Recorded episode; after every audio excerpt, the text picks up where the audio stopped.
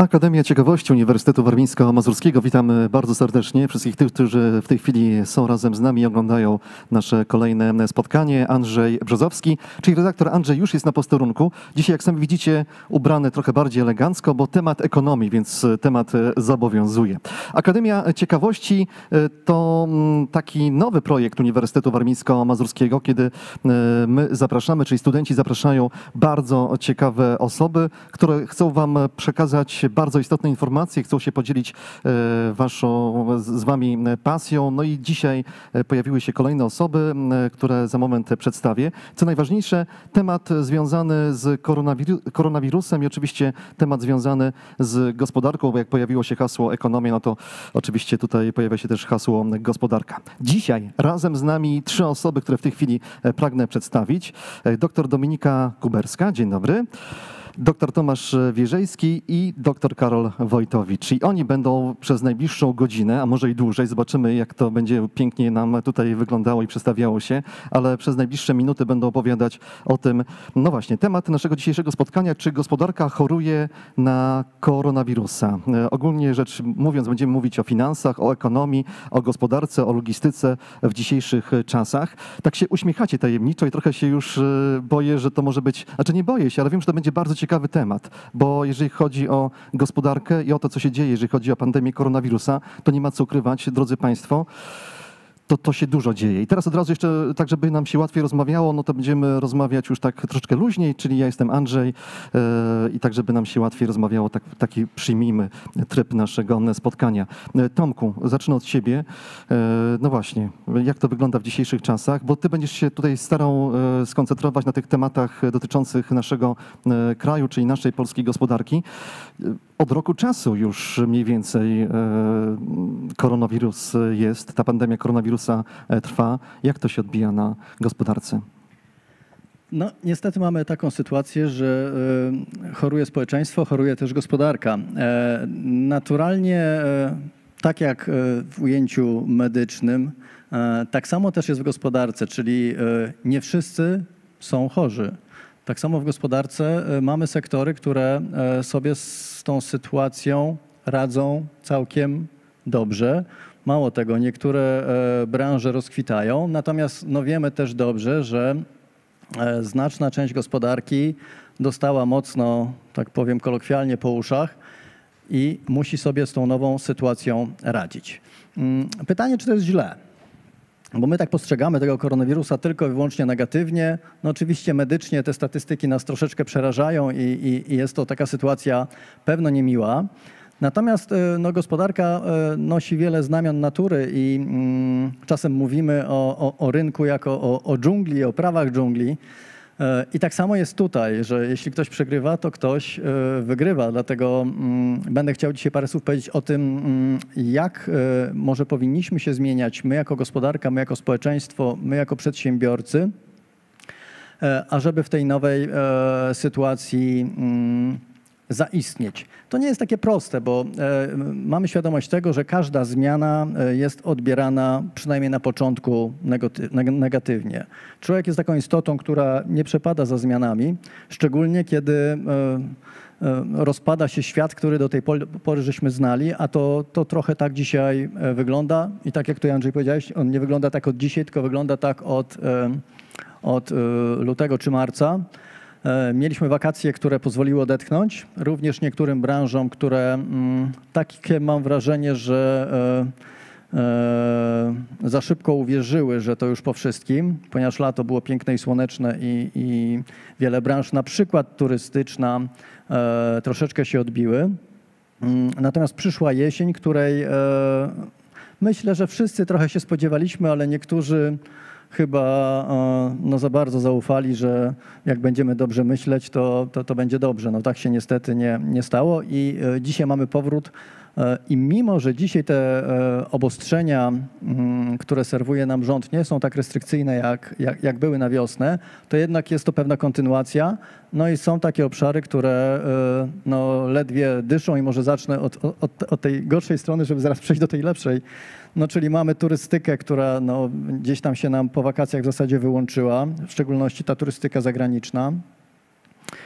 E, choćby ta sytuacja, w której tutaj dzisiaj się znajdujemy, czyli, e, czyli, czyli różne imprezy e, i kultura, tak? co, co, co, co to mnie też osobiście bardzo boli, że, że, że to jest zamknięte i tu jest kłopot ogromny. E, Są oczywiście mniejsze branże, które próbują sobie radzić, jak gastronomia, czy, czy ostatnio kluby fitness, natomiast to jest jeszcze taki krótszy okres i, i, i może tu będzie, mm, będzie troszeczkę lepiej. Natomiast, e, tak jak powiedziałem, ja będę starał się pokazywać pewne pozytywy i te pozytywy są na pewno takie, że mm, można sobie z tym radzić. Są firmy, sobie, które sobie e, z koronawirusem i tymi nowymi uwarunkowaniami radzą. Dlaczego tak się dzieje? Do wszystkiego trzeba się przygotować. Tak? W skali makro, jak popatrzymy na, nasz, e, na naszą gospodarkę, jak popatrzymy na to, e, czy my jesteśmy gotowi na, na koronawirusa, to problem jest taki, że ostatnie lata, jakbyśmy się cofnęli bardziej, 3-4 lata wstecz, myśmy budowali nasz wzrost na mm, dość mocnych wydatkach e, z budżetu i na wzroście opartym na konsumpcji. Natomiast przyszła teraz taka chwila, kiedy te pieniądze z budżetu są bardzo, bardzo mocno potrzebne, a ich tam jest trochę mniej. I tych narzędzi mm, może nieco e, rządzącym zabraknąć. Szczerze powiem, e, współczuję tym, którzy, którzy muszą dzisiaj podejmować decyzje e, dotyczące finansów państwa. E, Dlatego tutaj te przygotowania nie za bardzo. Natomiast niektóre branże bardzo mocno e, się do tej sytuacji przygotowały. Na przykład branża gastronomiczna, która e, nawet e, największa sieciowa, e, nie nazwę tego restauracją, natomiast jak popatrzymy na reklamy, pewno każdy je widzi w telewizji, to tam już nie ma miejsca gdzie jest restauracja, tylko są papierowe torebeczki, które, które ktoś przywozi, czyli takie zupełnie e, zmiana myślenia i ustawienie klienta w tym kierunku. To jest dzisiaj istotne, żeby e, ekonomiści, żeby osoby zajmujące się zarządzaniem zrozumiały, że dzisiaj trzeba zupełnie inaczej podejść do produktu, zupełnie inaczej podejść do klienta, co za tym idzie, inaczej tym zarządzać, inaczej sterować marketingiem, no bo sytuacja rynkowa, konsumencka i wszelaka inna jest, jest, jest zupełnie, zupełnie inna. Także tu widzę pewne przygotowania. E, Wska- Wskazał też te firmy, które mocno korzystają z, e, z nowych technologii. Tak? I to znowu też firmy, ale też na poziomie konsumentów. Tak? Ile osób starszych zaczęło kupować w internecie, którzy e, jeszcze wcześniej Allegro znali tylko z, z, z ciekawych reklam. Tak? Także to e, e, wiele też się dzieje pozytywnego. Natomiast jedna rzecz. My musimy mieć świadomość, że nawet jeżeli ten wirus się skończy, skończy się pandemia, skończą się lockdowny i obostrzenia, y, ten świat nie będzie już taki sam i, i te nowe kompetencje, które dzisiaj nabywamy, my jako konsumenci, my jako studenci, my jako nauczyciele też, e, one z nami zostaną, będą wykorzystywane i trzeba to traktować jako, jako plus, nawet jak narzekamy, nie wiem, na kształcenie zdalne, że, że, że to nie jest to samo, co to będą za inżynierowie. Nie patrzmy tylko na to. My kreujemy też nowe kompetencje, może inne, może właśnie bardziej potrzebne e, w przyszłości, tak? Nie patrzmy tylko do tyłu, bo my mamy taką, taką skłonność do patrzenia do tyłu i rozpaczania, że, że, że już nie jest normalnie. Tak jakby kiedyś było normalnie, a to, co jest nowe, to już było nienormalne. Ja bym chciał z takim myśleniem skończyć i, i, i szukać, tak jak Amerykanie trochę, w problemach, które nas otaczają, szukać wyzwań. No właśnie, e, doktor Dominik, Dominika Kuberska. Dominika, jak e, świat, e, jak e, na pandemię zareagowała gospodarka światowa? Nie sądzę, żeby świat podzielał optymizm mojego kolegi, który przed chwilą wypowiadał się, jak to może być, jak to jest. E, Gospodarka światowa, gdy spojrzymy na taki agregat, co się w niej dzieje w 2020 roku, to zauważymy, że ona właściwie skurczyła się w takiej skali, w jakiej nie miało to miejsca od mniej więcej II wojny światowej. My tak mówiliśmy, że e, kryzys finansowy kilka lat temu, może już nawet kilkanaście lat temu, skurczył gospodarkę światową. On zdecydowanie był dużo słabszy w skutkach aniżeli dzisiejsza pandemia.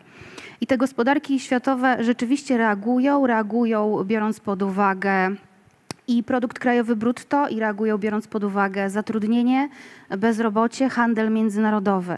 I co jest, co jest przyczyną? Oczywiście wszyscy wiemy, że to jest ta choroba związana z koronawirusem i szok podażowy i popytowy, które wywołały na świecie.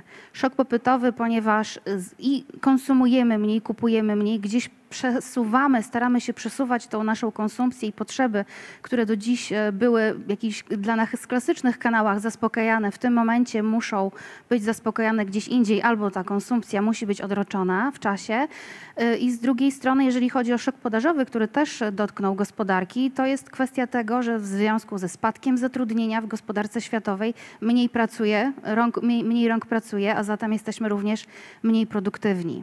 I gdyby tak się, tak się przyjrzeć gospodarce światowej, to niestety ekonomiści, makroekonomiści pod, podkreślają ten negatywny aspekt, to co się dzieje w 2020 roku.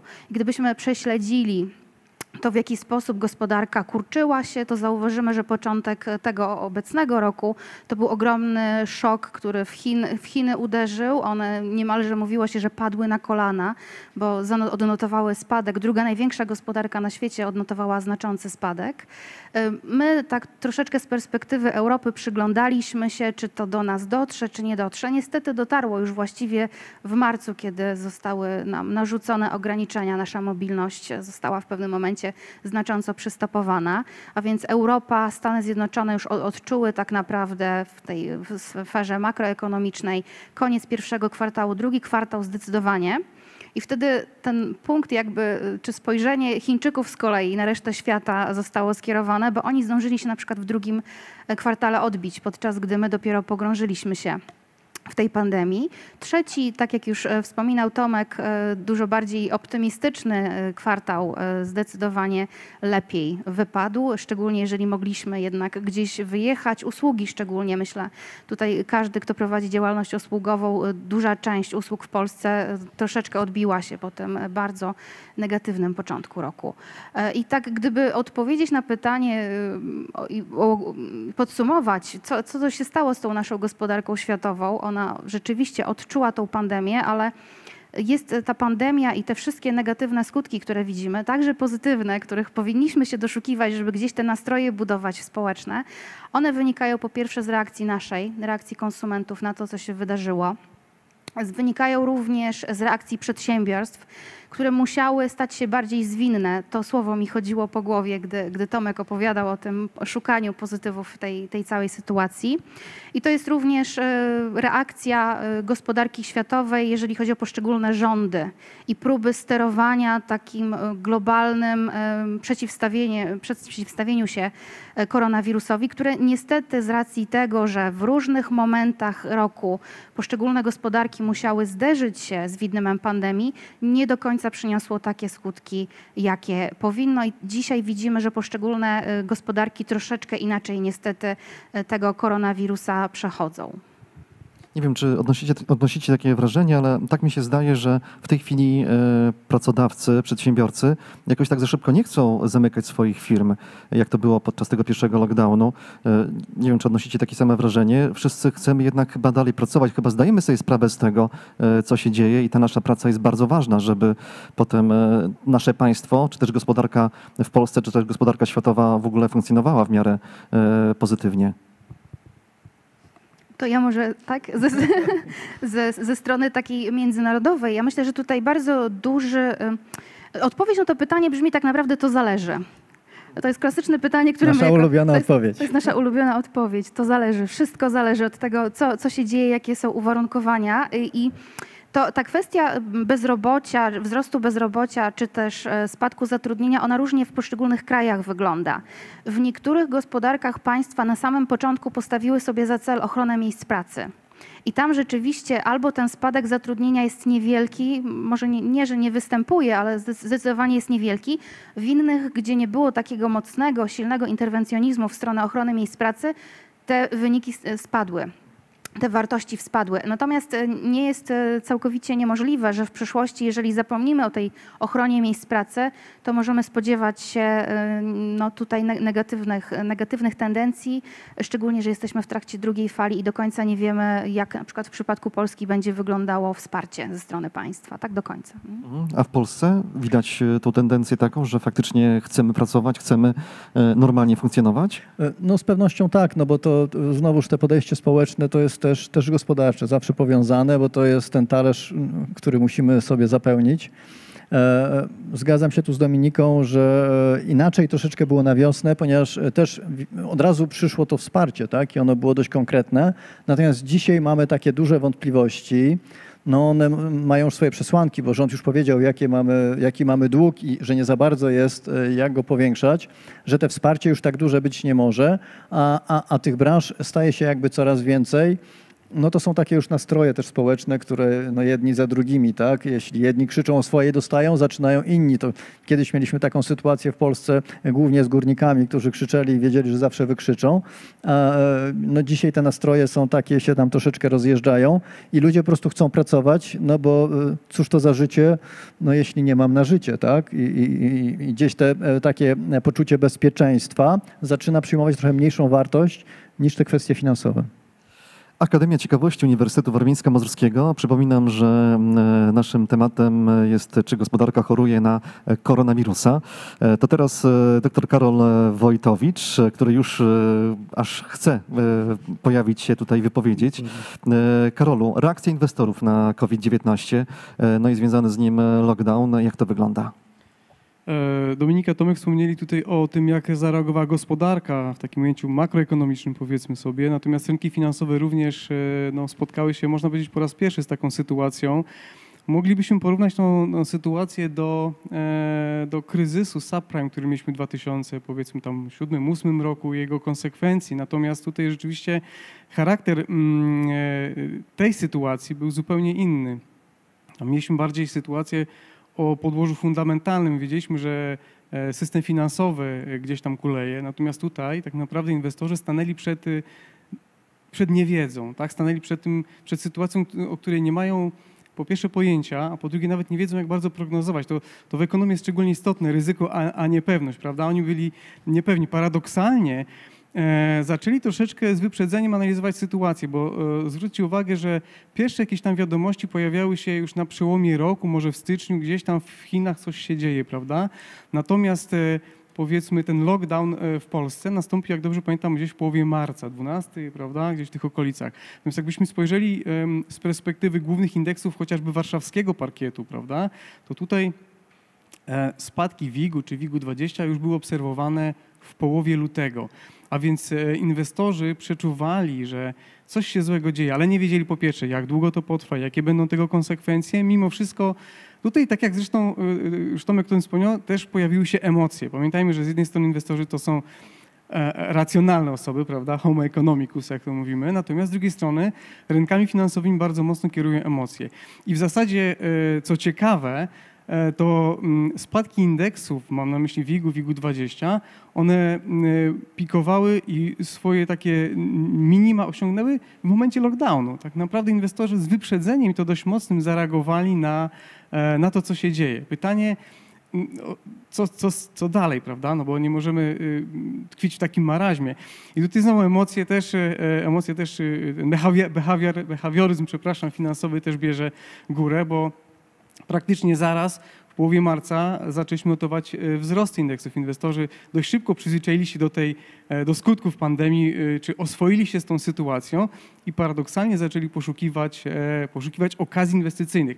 Te wszystkie spółki o dobrych fundamentach, powiedzmy sobie, tak? bo tutaj Tomek wspomniał o branżach, które gorzej zareagowały na, na czy jakby większe, większe skutki e, odnotowały na skutek pandemii. Były też branże, które świetnie sobie poradziły, albo idealnie ten para, e, koronawirus spisał się i w ich e, model biznesowy. No i tak jak wspomniałem, od połowy marca e, inwestorzy zaczęli już szukać okazji, które to spółki właśnie fantastycznie zostały przecenione, żeby teraz można ulokować im kapitał w takim średnio, może długookresowym e, terminie inwestycyjnym, okresie inwestycyjnym.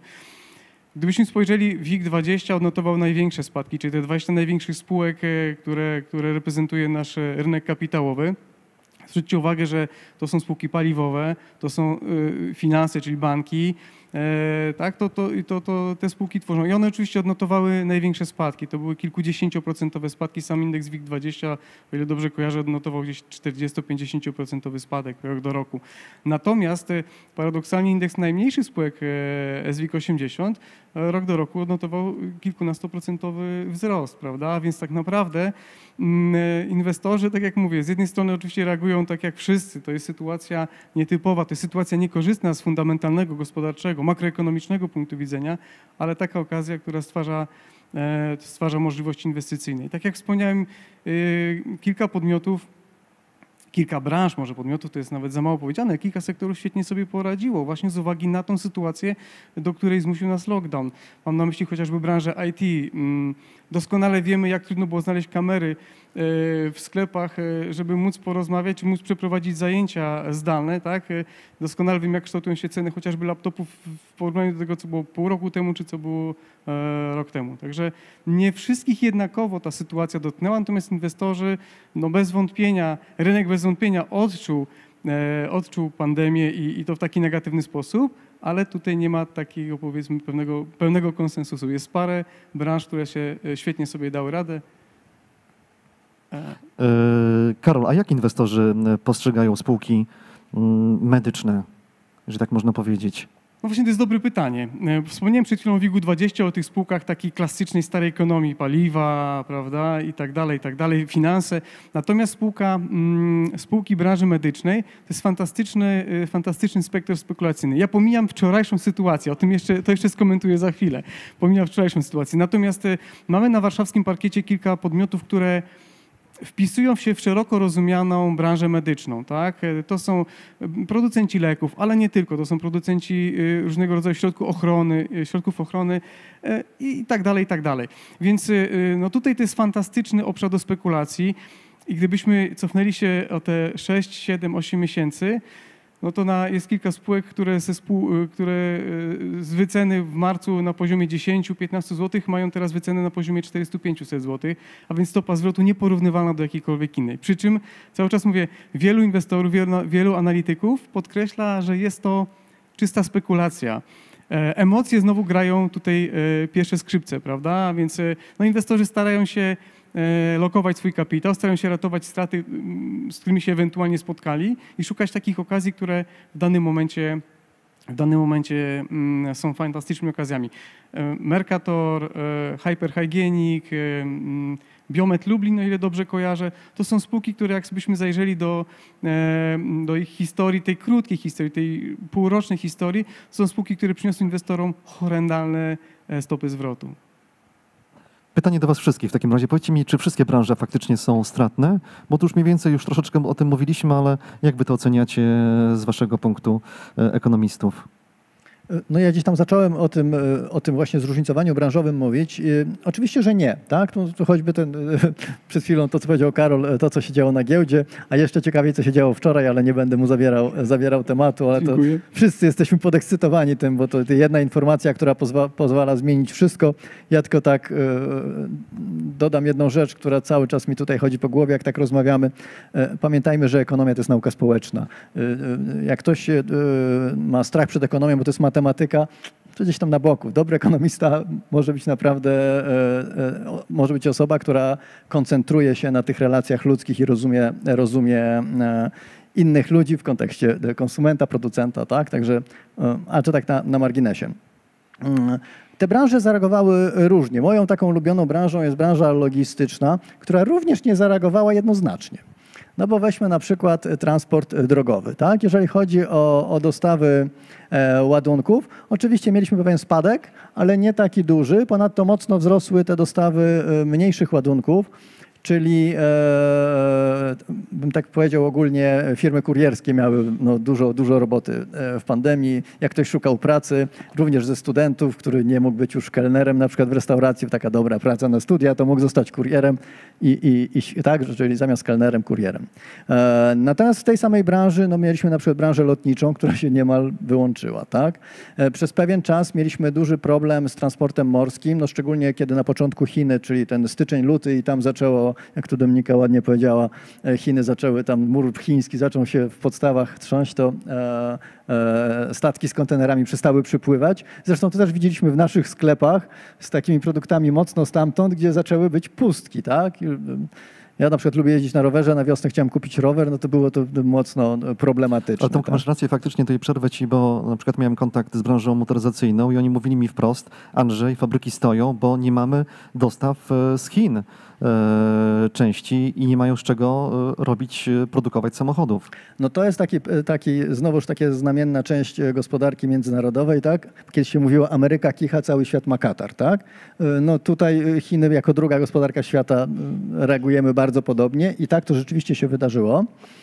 E, Natomiast no wracając do tych branż, tak, mówię, jedna branża, tak, logistyczna, a jak różnie w różnych e, obszarach i wiele tutaj e, firm się poprzestawiało, tak, czyli z tych autokarów, które wodziły ludzi, czasami próbowali gdzieś wykorzystać do, to, do, do przewozu ładunków. Czyli to jest ta elastyczność, którą tutaj potrzebujemy i to jest to coś, do czego ja zachęcam. Ja wiem, że to przedsiębiorcy mówią, taki mądry jesteś, sieć, chodź tutaj z nami i rób, tak? Natomiast no nie ma wybo- wyboru. My mamy coś takiego w przedsiębiorczości, czego uczymy jak ryzyko. Coś tak fajnie opowiada na zajęciach. Tak, jest ryzyko, że się może nie udać, trudno. No nie, to, to są dramaty ludzi, tak? I, I one dzisiaj często mają, mają miejsce, natomiast no, przedsiębiorca musi poszukiwać i też musi przewidywać trochę, jak, jak na rynkach finansowych przewidujemy, e, przewidujemy na, na giełdach. E, No myślę, te branże, które sobie poradziły, no to znowuż Karol tutaj powiedział e, dobrze, tam gdzie nagle wszystko, co ma literkę E, sobie radziło, a niektóre tradycyjne branże zaczęły dostawać E, tak? Również e-edukacja, tu gdzie dzisiaj jesteśmy i to, jak się dzisiaj tutaj komunikujemy, też to ma, jest przykładem tego, że można pewne rzeczy przemienić. Niby branża ma kryzys, natomiast pewne działania mogą, mogą to poprawić. Natomiast są też takie branże, które no, no fryzjer przez internet nie ostrzyże póki co. Tak to wygląda. Y, Za chwileczkę powrócimy do naszej rozmowy, ale w międzyczasie oczywiście wy możecie zadawać nam e, pytania, czyli naszym gościom.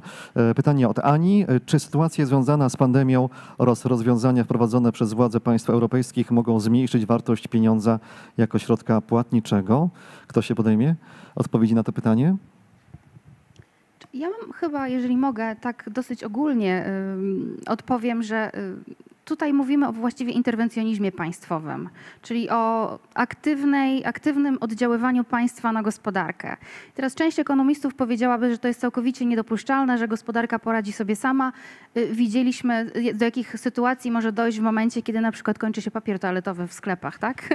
Czy, no, niestety zachowania ludzkie często są nieprzewidywalne i państwa podjęły decyzję, miały tutaj ku temu konkretne cele, jak wspomniana wcześniej, między innymi ochrona miejsc pracy, ażeby wpompować pieniądz w gospodarkę, ażeby wpompować ten pieniądz w, no, w, kieszeni, w kieszeni części, części przedsiębiorców, e, części, części konsumentów.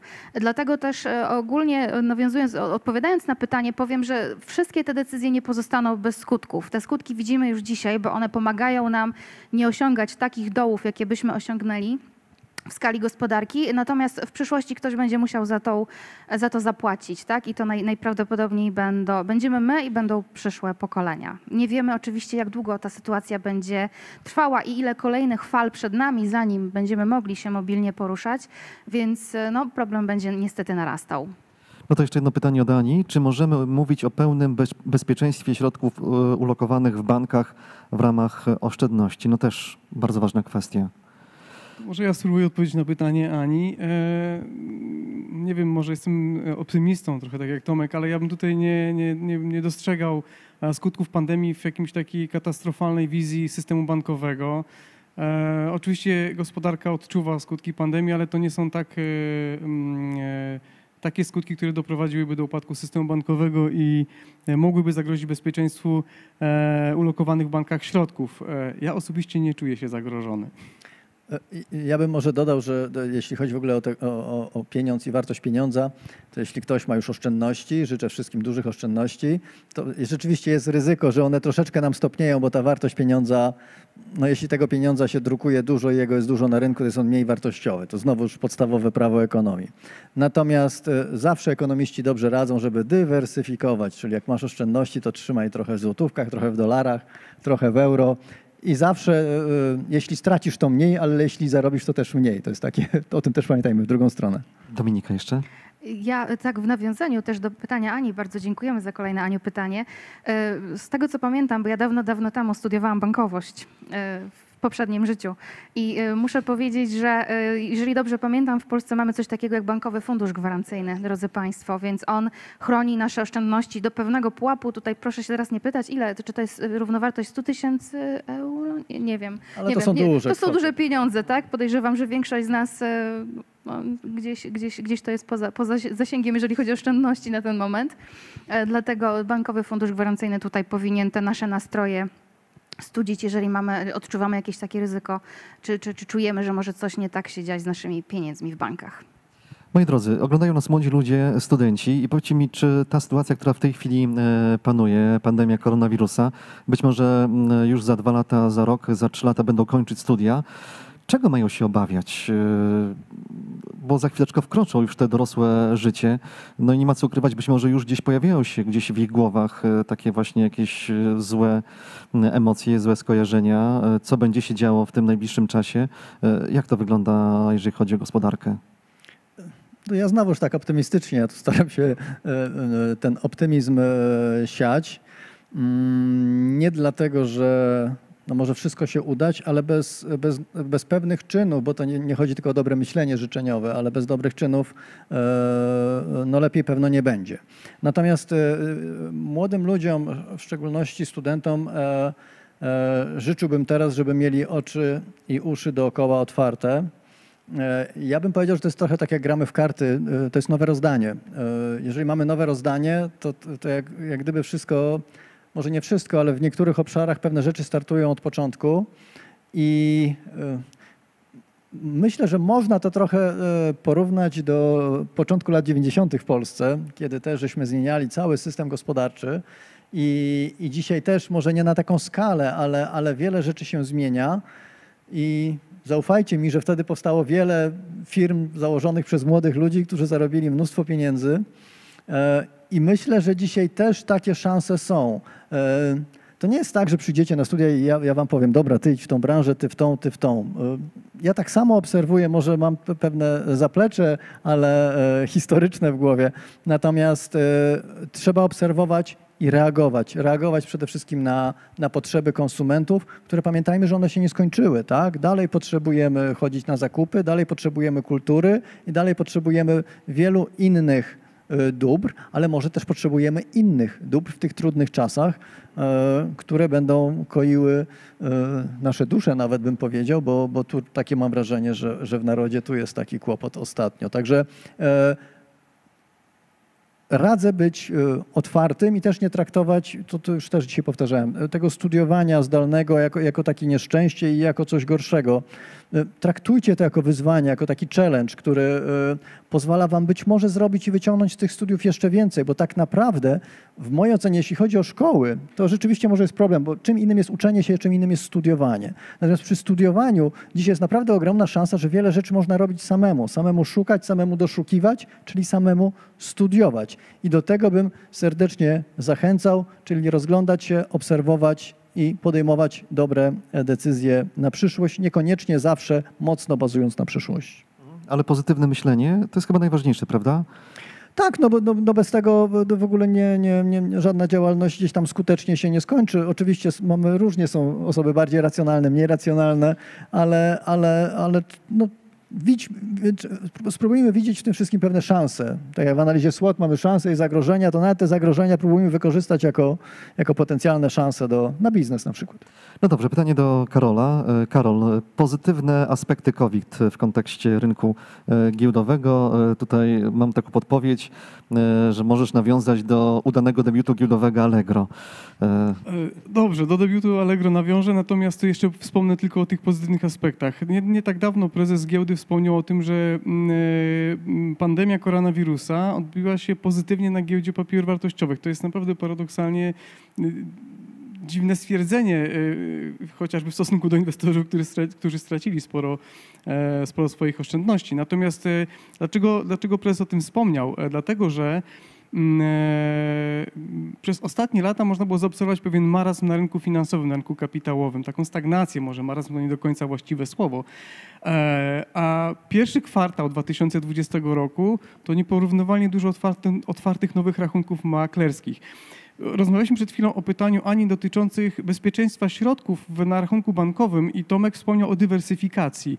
I jednym ze sposobów na dywersyfikację w zasadzie braku e, możliwości zarabiania na rachunku bankowym, bo nie wspomnieliśmy o inflacji, która jakiekolwiek minimalne, e, minimalną stopę zwrotu z, tych oszczędności bankowych pożere, to e, rynek giełdowy jest właśnie tym rynkiem, który, który stoi niejako otworem, który naprawdę zachęcił tych, y, y, y, te osoby fizyczne, tych drobnych inwestorów do tego, żeby te swoje pieniądze z banków przeniosły na rynek giełdowy mimo kryzysu, a może właśnie poprzez kryzys. Tak jak wspomniałem, pierwsze, pierwszy kwartał i drugi kwartał 2020 roku, czyli tak naprawdę ta fala kryzysu, dodam jeszcze, że wtedy spółki wcale jeszcze nie odnotowały jakichś negatywnych tego skutków, jeszcze wtedy nie, nie, nie, nie obserwujemy spadku zysku, prawda, spadku obrotów. My dopiero widzimy, że jest kryzys i, i za chwilę dopiero będziemy w cudzysłowie odcinali kupony od tego, a już inwestorzy zdyskontowali, e, zdyskontowali kryzys i już doszukują się pozytywów, prawda? Więc tam się trzeba zawsze pozytywów do, doszukiwać.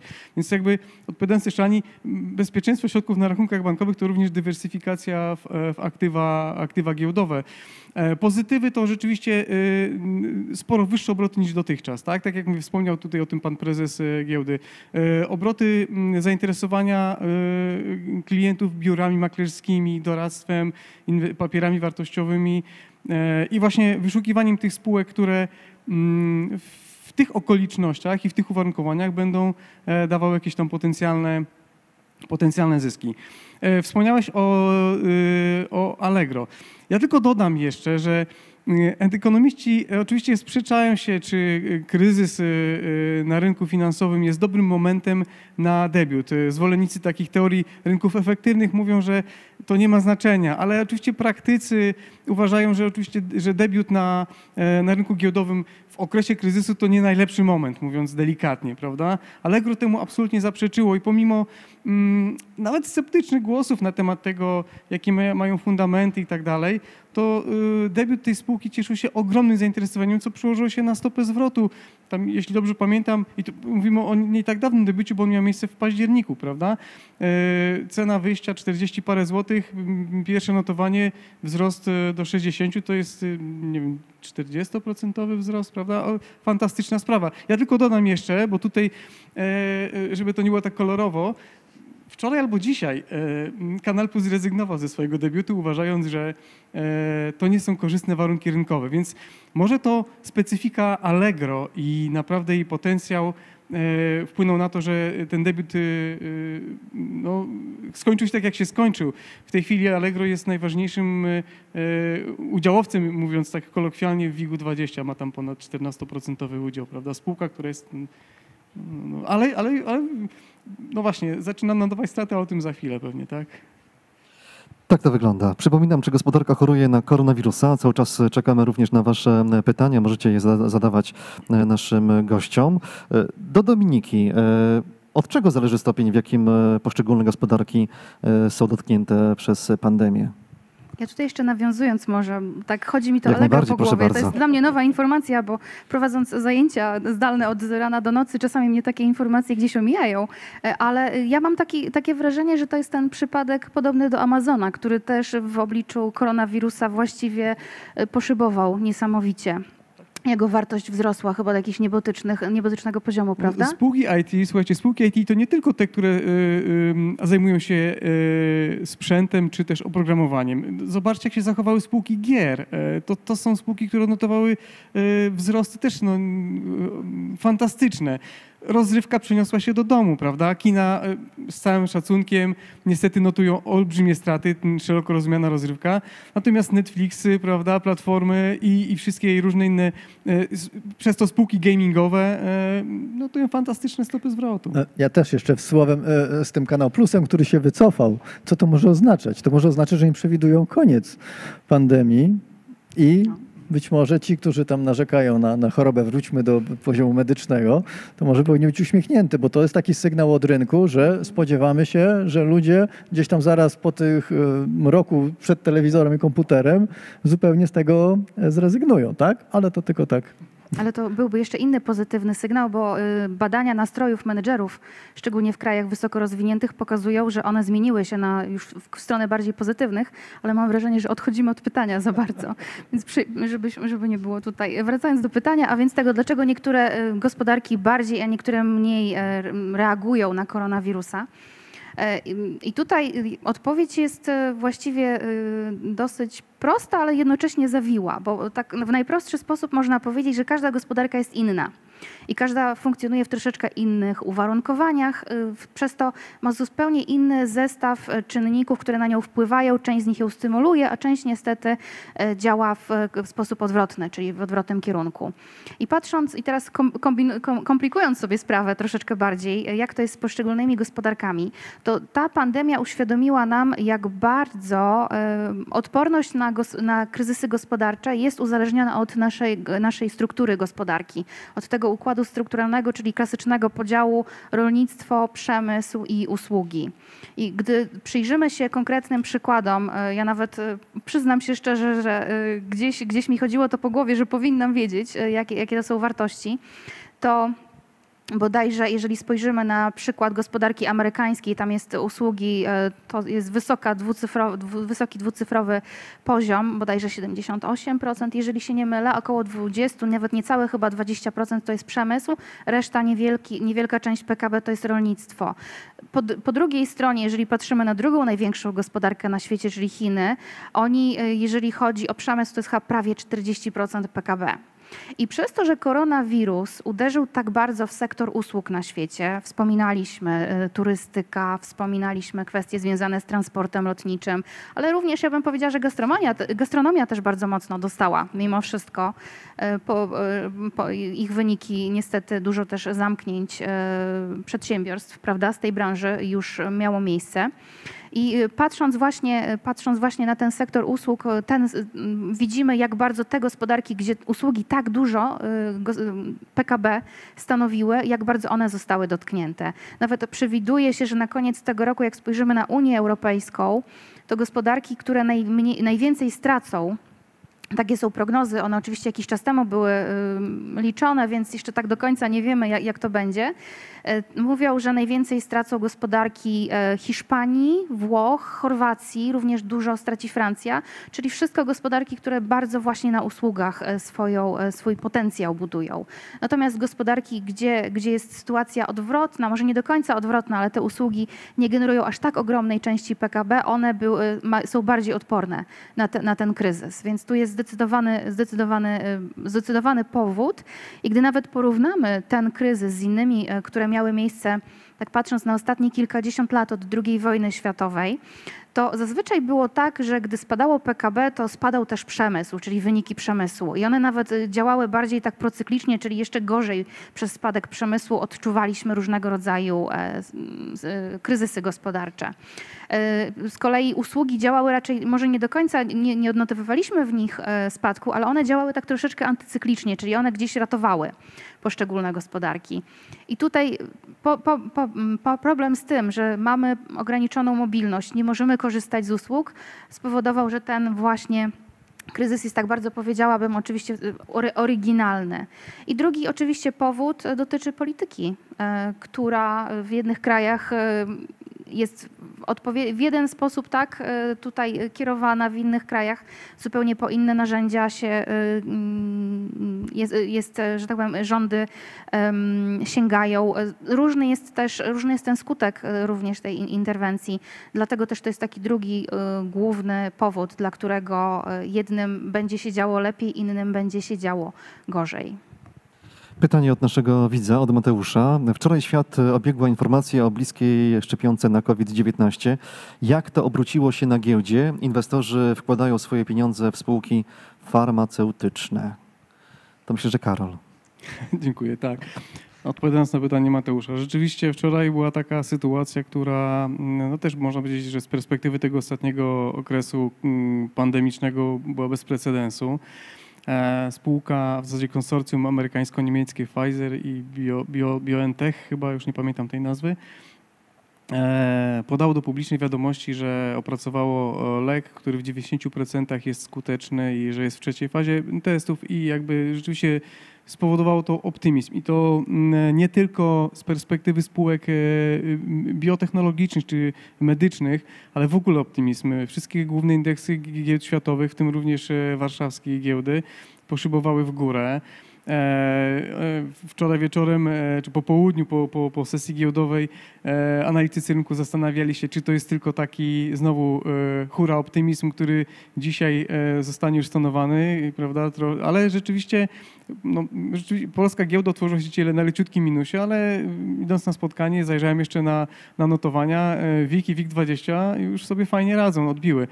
E, Nie jest to taka spekulacja, jak wspomniana przed chwilą prze, prze, przeze mnie, spekulacja na tych polskich spółkach biomedycznych, ale rzeczywiście ta spółka Pfizer jest generalnie bardzo dużym potentatem medycznym na amerykańskiej giełdzie, więc jakby e, tutaj bez wątpienia ona już jest w portfelach dużych graczy i, i, i, i e, ta informacja o, o pandemii, o leku na koronawirusa spotkała się z, jakby z pozytywnym odzewem ze strony inwestorów i, i, i cena tej spółki poszła w górę oczywiście, ale e, paradoksalnie polskie spółki biomedyczne odnotowały e, spadek, prawda? I teraz e, w zasadzie ta informacja, można powiedzieć, odwróciła tabelę.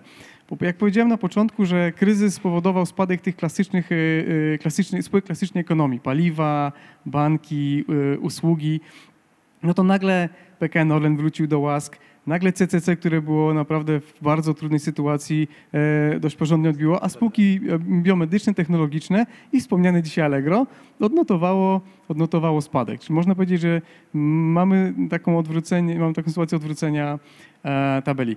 Ja tylko się y, y, cieszę z tego powodu, że y, też pokładam nadzieję e, w tej informacji, która moim zdaniem troszeczkę ustabilizuje już te emocje. Tak? Już będziemy, wiemy, że nie, nie, nie daliśmy sobie w tej chwili rady e, sytuacją i że lockdown i jego konsekwencje będziemy jeszcze odczuwali. E, natomiast e, widzimy światełko w tunelu niejako, tak? Czy można powiedzieć, że to prędzej czy później zaczynamy sobie, i- a inaczej, mm, nawet jak to będzie później, to już widzimy ten horyzont czasowy, a to już jest ryzyko, a nie niepewność. I to by mógł być koniec, to światełko w tunelu i że jest ta nadzieja, że będzie dobrze. E, Proszę bardzo, Tomku. Tak tylko, e, tak, tak tylko słowem e, e, przypominam, kiedy pandemia się zaczęła i kiedy Światowa Organizacja Zdrowia e, jasno wydawała komunikat. Pandemia się tak naprawdę skończy, kiedy wymyślimy szczepionkę, tak? Także wczoraj się pojawił lek na całe zło i od razu żeśmy to odebrali jako, połączyli dwa fakty, tak? Przyczynę i skutek. Jeżeli, jeżeli zaistniała ta przesłanka, która ma skończyć ten kryzys, no to lecimy wszyscy do przodu. E, Odwracamy tabelę, jak to słusznie zauważył Karol. Kolejne pytanie. e, Ania, jeśli mówimy o kryzysie gospodarczym związanym z COVID, to czy możemy go porównać do któregoś z kryzysów, e, z którym spotkaliśmy się już w przeszłości? Patrzę się na was, kto się wyrywa do odpowiedzi. Ja może y, skomentuję to z punktu widzenia rynku finansowego, odpowiadając na pytanie Ani. E, Wspomniałem o kryzysie, który naprawdę bardzo mocno dotknął rynek finansowy. Mam na myśli ten kryzys e, sprzed, sprzed dekady. E, Analizując rynek, no niektórzy mówią, że już wyszliśmy z tamtego kryzysu, to jest w końcu już ponad 10 lat, ale może wcale jeszcze to nie jest tak, że już, y, że tak powiem, wszystkie te negatywne aspekty kryzysu sprzed, sprzed dekady zostały zdyskontowane. E, Natomiast e, nie chciałbym tak bezpośrednio porównywać em, tego kryzysu, ponieważ e, tam były, tak jak wspomniałem wcześniej, zupełnie inne fundamenty. Tam e, e, mm, całym złem, jeżeli mogę takiego słowa użyć, był, e, była sytuacja związana z e, właśnie upadkiem systemu finansowego, jeżeli mogę takiego słowa górnolotnie użyć, prawda? Natomiast tutaj mamy e, sytuację troszeczkę inną. Natomiast trudno mi się odnosić tutaj do, do kryzysów, które były spowodowane jakimiś przyczynami medycznymi, czy też właśnie mm, zdrowotnymi. Mm, Wspomniana w mediach często pandemia hiszpanki, prawda? No ale mm, trudno mi tutaj się odnosić jakoś do, czy porównywać tą sytuację, ponieważ gospodarka jest na zupełnie innym etapie rozwoju e, i to jakby konsekwencje e, nie, moim zdaniem są nieporównywalne. Tak? Nie, nie. Ja, ja często porównuję tą sytuację do sytuacji wojennej, ponieważ e, to, to może nie, nie, sama przez się, nie sam przez się kryzys gospodarczy, wojna, tak? No ta ostatnia duża czyli druga wojna światowa, natomiast pewne podobne elementy, choćby ograniczenie przemieszczania się, tak, e, kryzys wszelakich usług, z tym, że tak jak Karol powiedział, to był zupełnie inny rynek 50 lat temu, rynek usługowy, a, a, a inny ten. Natomiast takiego kryzysu usług to chyba żeśmy nie mieli i, i wydaje mi się, że tutaj, no, jeśli porównywać, to ten jest wyjątkowy. Jeszcze Dom- Dominika chciała coś powiedzieć. on, on ma bardzo chyba tak naprawdę jeszcze więcej tych e, wyjątkowych, oryginalnych cech, atrybutów, które zdecydowanie mu towarzyszą. Jednym jest, e, i to też nawiążę do Karola, jednym jest to, że warunki tak naprawdę, w których on się odbywa, są nieporównywalne do tych, które miały miejsce na przełomie 2007-2008 roku. E, Na przełomie wieku też mieliśmy taki mały kryzys finansowy. Gdzieś były kryzysy jakieś regionalne, gospodarki azjatyckie. Mieliśmy lata 70. To też był dosyć trudny okres ropa, prawda? W przypadku wielu gospodarek Amerykanie wtedy między innymi bardzo odczuli e, te, te skutki. I dalej się cofając, rzeczywiście druga wojna światowa, wcześniej e, kryzys w Stanach Zjednoczonych ogromny. Natomiast tutaj ze względu na globalizację, na to jak szybko pewne sygnały i skutki tej pandemii rozchodziły się, coś się działo w Chinach, a my już w Polsce wiedzieliśmy, że będzie problem na przykład z naszą przesyłką, tak? To, to rozchodzenie się było, było niesamowicie, niesamowicie szybkie, więc on w tak wielu właśnie wymiarach jest oryginalny. No i kolejne pytanie, tym razem Zuzia. E, Czy studenci, którzy aktualnie uczą się zdalnie, mogą mieć obawy odnośnie tego, jak będą patrzeć na nich w przyszłości pracodawcy? Niektórzy bowiem uważają, że zdalne nauczanie oznacza mniejsze zaangażowanie w naukę. E, Czy to może mieć wpływ na zwiększenie wymagań odnośnie kompetencji i wykształcenia na dane stanowisko? Tomasz? Wiem, Ja jestem pierwszy z brzegu, więc e, mogę spróbować odpowiedzieć. E, e, Znowu chcę tutaj wlać dużo optymizmu, natomiast no, rzeczywiście są takie kierunki studiów, gdzie może to być problem. Tak? No, jak ktoś studiuje weterynarię na przykład, czy medycynę, czy e, inne studia, które no, wymagają tak naprawdę trochę pracy laboratoryjnej, no to dla nich jest to pewien taki okres pewno trochę trudniejszy. Ja wiem, że nie tylko nasza uczelnia, ale wiele uczelni robią wszystko, żeby te zajęcia odbywały się bardzo podobnie. Już powstają wirtualne laboratoria, także o to tak bardzo bym się nie obawiał. Natomiast znowu, ja bym szukał w tym szansy. Szansy na przykład w, to, w tym, że można bardzo mocno dzisiaj uzupełnić kwalifikacje również online. Na przykład można się nauczyć języka obcego, e, można skończyć jakieś inne kursy. Także uzupełnić tą swoją, e, te swoje CV. Jestem przekonany, jeśli e, pracodawca później zobaczy, że dany student w tej trudnej sytuacji no nie tylko robił studia jak robił, ale równolegle zrobił jeszcze inne rzeczy, a tak jak powiedziałem, naprawdę wiele tych szans się dzisiaj pojawia, to ja byłbym, pani Zuzanno, pełen optymizmu. Ja, ja się zastanawiam, czy my wobec tego pytania za mało nie wymagamy, skoro są nasi studenci potencjalnie mniej zaangażowani w naukę. Ja to zweryfikuję bardzo chętnie w tym tygodniu. Zastanowię się i od poniedziałku wprowadzę zmiany. Dobrze, to my pani Dominice już dziękujemy w takim razie. Żartuję. E, Krystian teraz e, ma do nas, do was kolejne pytanie. E, Pytanie całkowicie abstrakcyjne. Czy studenci, którzy kończą lub zaczynają swoją przygodę ze studiami, przy założeniu, że dalej będzie kontynuowana edukacja zdalna, będą tak samo traktowani z kwalifikacjami na rynku pracy, jak studenci, którzy jednak chodzili fizycznie na uczelnię i zdobywali wiedzę? E, Nawiązuje do tego, że to trochę jak zdawanie prawa jazdy na kierownicy w domu przed komputerem na jakiejś wirtualnej drodze. Od Krystiana pytanie. Ja myślę, że tutaj takiej bezpośredniej analogii nie ma, jeżeli chodzi o tą kierownicę w domu. Natomiast e, też nie doszukiwałbym się tutaj jakichś negatywnych konsekwencji tego, że edukacja była prowadzona w sposób zdalny.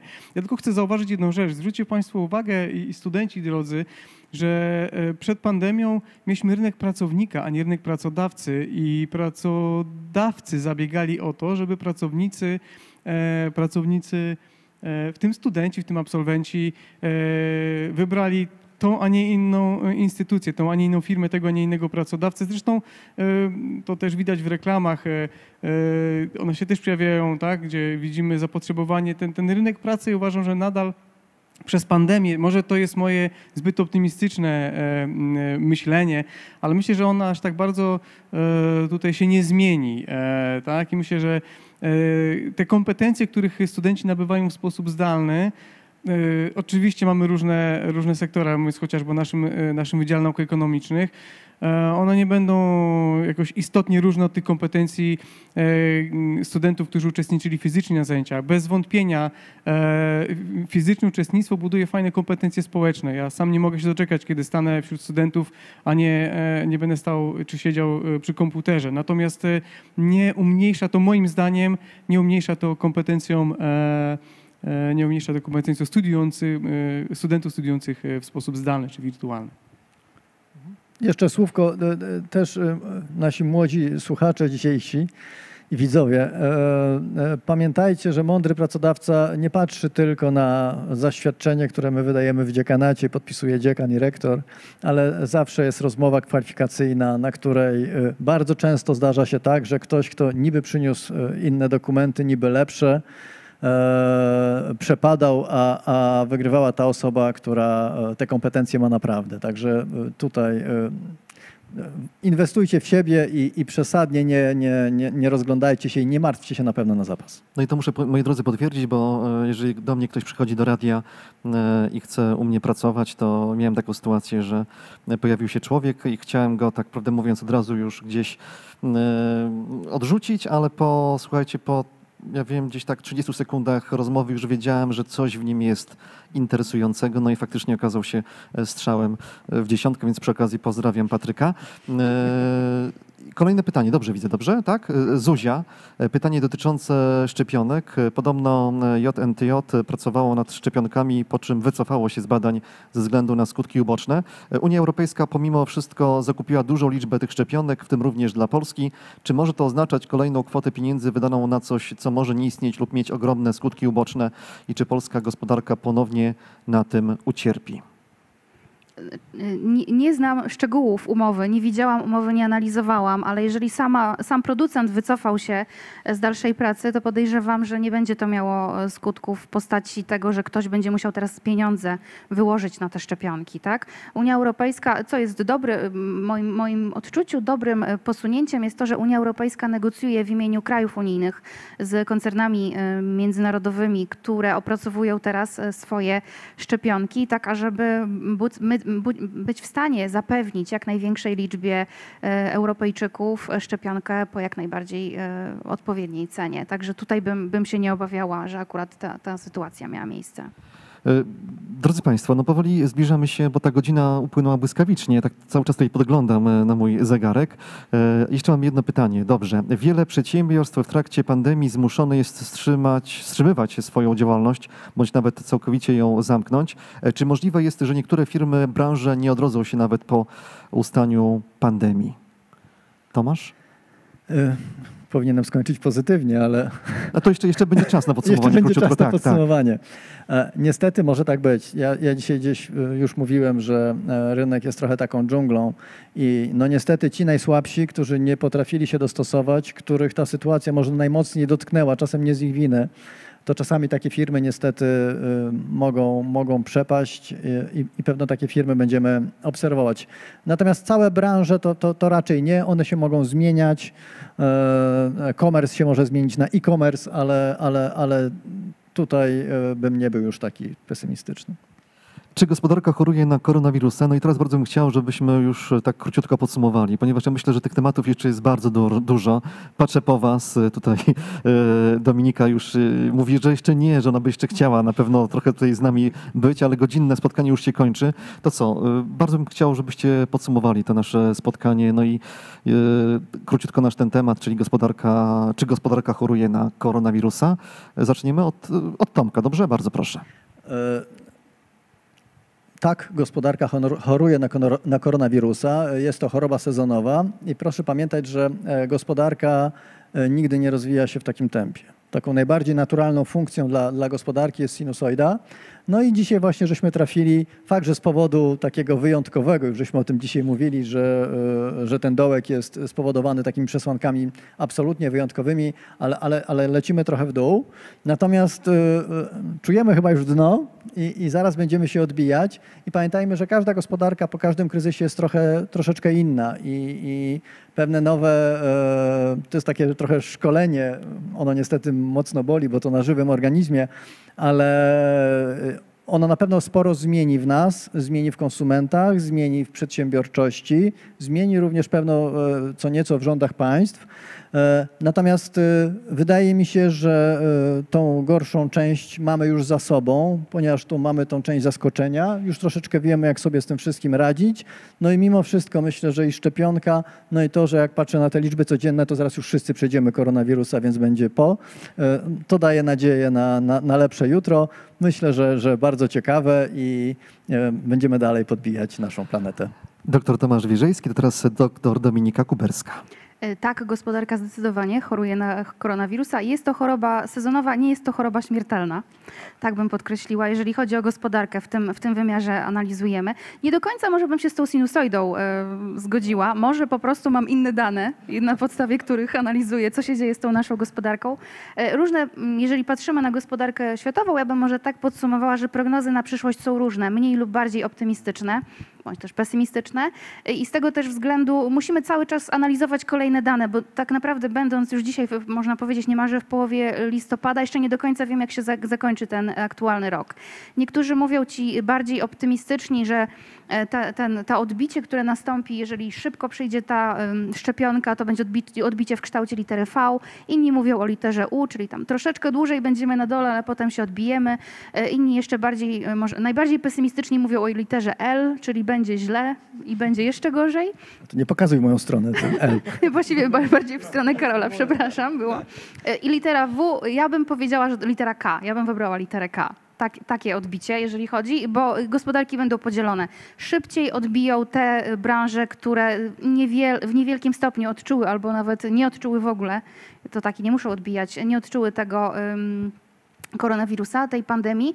E, Gorzej dla tych gospodarek dłużej będzie, moim zdaniem, u, prze, tak przewiduję, że gorzej będą e, wolniej odbijały się branże te, które nadal będą potrzebowały do swojego rozwoju mobilności, bo mam takie przeczucie, że my będziemy jeszcze troszeczkę sceptycznie podchodzili nawet pomimo szczepionki do tego, e, że, żeby jednak wyjeżdżać. Nie chciałam tak pesymistycznie kończyć, ale staram się realistycznie zawsze podchodzić do, do życia. Dzięki. No i doktor Karol Wojtowicz. Gospodarka choruje, tak, ale mam nadzieję, że przez to nabiera odporności. E, mogę tak powiedzieć. Mm, e, Dodam tylko, że mm, rzeczywiście mam też nadzieję, że jesteśmy w tym, e, tym cyklu koniunkturalnym już gotowi do odbicia. E, wspomniana dzisiaj e, informacja o, o, jest jakimś tam pozytywem i to takim naprawdę e, istotnym sygnałem. Ja tylko dodam jedną rzecz, że w, w tym całym zamieszaniu Myślę, że tutaj się sporo modeli e, ekonomicznych, sporo modeli biznesowych pozmieniało. Tak? My naprawdę, e, chociażby patrząc z punktu widzenia edukacji, e, edukacji zdalnej, ja wcale nie uważam, że to jest jakieś tam idealne rozwiązanie, ale jest to fajna alternatywa, której się bardzo szybko nauczyliśmy, której, do której byśmy pewnie dochodzili jako, e, jako e, nauczyciele, akademicy, wykładowcy jeszcze przez wiele lat. Zrobiliśmy to w kilka miesięcy. I w wielu innych branżach tak samo to funkcjonuje. Okazuje się, że można spotkać się online, można spotkać się z osobami z zagranicy, można z, z, zrobić projekty w taki, a nie inny sposób. Można powiedzieć, że tak jak wspomniałeś, ekonomia jest nauką społeczną, my jako istoty społeczne potrafimy się dostosować do danych warunków i, i wyciągać pozytywy. Ja myślę, że e, konsekwencją czy skutkiem pandemii mam, mówiąc już oczywiście w tym kontekście wyjściowym, e, wyjścia z tego kryzysu, jest to, że my e, przez ten niecały rok e, dość mocno ruszyliśmy do przodu z pewnymi modelami, których byśmy w innych okolicznościach wypracowali jeszcze wiele, wiele lat. No to już ostatnie pytanie. Tęsknicie za normalnymi zajęciami ze studentami? Bardzo. Pra, prawie tak bardzo jak za podróżowaniem.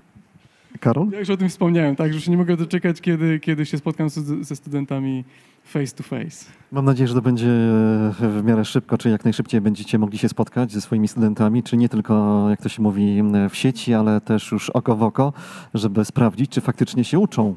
Ale myślę, że się uczą, bo wszyscy studenci Uniwersytetu Warmińsko-Mazurskiego na pewno bardzo mocno przykładają się do nauki. Akademia Ciekawości Uniwersytetu Warmińsko-Mazurskiego, przypominam, nasi goście dzisiaj to dr Dominika Kuberska, dr Tomasz Wierzejski, dr Karol e, Wojtowicz, eksperci z Wydziału Nauk Ekonomicznych. Wam dziękuję, że byliście razem e, z nami. Optymizm e, na Waszych twarzach, więc mam nadzieję, że będzie wszystko dobrze w najbliższym czasie. Trzymamy kciuki oczywiście za to. No i też dziękujemy wszystkim tym, którzy dzisiaj byli razem e, z nami. No i zapraszamy oczywiście do tego, żeby być i śledzić to, co się dzieje, dzieje w Akademii Ciekawości Uniwersytetu Warmińsko-Mazurskiego. A za dzisiaj bardzo dziękujemy. Dziękujemy. Dziękujemy.